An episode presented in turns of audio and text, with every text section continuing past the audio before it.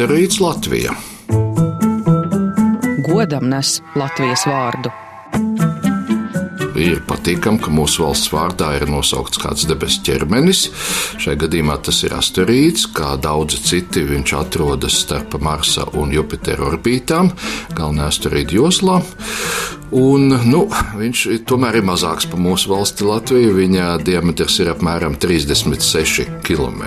Atklājis viņa kāds vācu astronoms eh, Reinmūts, bet eh, mūsu pašu latviešu astronoms Kārlis Steins daudz darīja, lai precizētu šī asteroīda orbītu. Precīzi tad izskaidrot, kur un kad viņš debesīs ir redzams, un tādā veidā tieši viņš iegūst tiesības dot šo nosaukumu. Un tā tad atklāts viņš ir 1933. gadā, nu, un tas bija pirmais ar Latviju saistītais objekts uh, debesīs. Un, nu, iznāk, ka loģiska izvēle bija astrīts Latvijam. Varētu iztēloties kosmosā lidojošu klinšu bluķis, kas lēnām griežas. Uz viņa virsmas var būt arī kāda putekļu kārta, uz viņa virsmas bieži redzam tādi lieli iedobumi, kurus ir izsituši triecoties citi asteroīdi.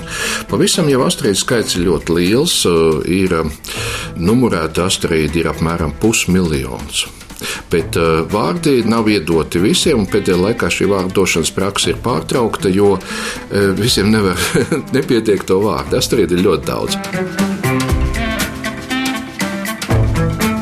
Jau vairāk kā 20 dažādi asteroīdi, kuru nosaukumu saistīti ar Latviju riņķu apkārt Saulē. Un kā nākamais eh, pēc atklāšanas bija asteroīds Rīga, nu, tā laikam diezgan loģiska secība. Eh, tad ir vairāk asteroīdu nosaukt astronomu vārdos, kas viņus ir pētījuši. Tā skaitā arī trimdus astronomu, kas eh, dzīvoja ārzemēs pēc otrā pasaules kara.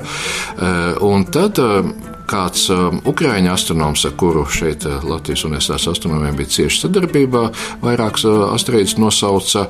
Uh, viņam viņa prāta, nu, tādos piemērotos vārdos. Viens piemērs ir Artmane, par godu aktrisei Vijai Artmanei. Tad kāds beļģu astronoms, kurš interesējas par Latvijas vēsturi, nosaucis dažādos senos vietvārdos, kā Dūna, tātad eh, Daugavā un Volmāra, Valmiera un tā joprojām. Tā kā pakāpeniski Latvija debesīs pildās. Mm.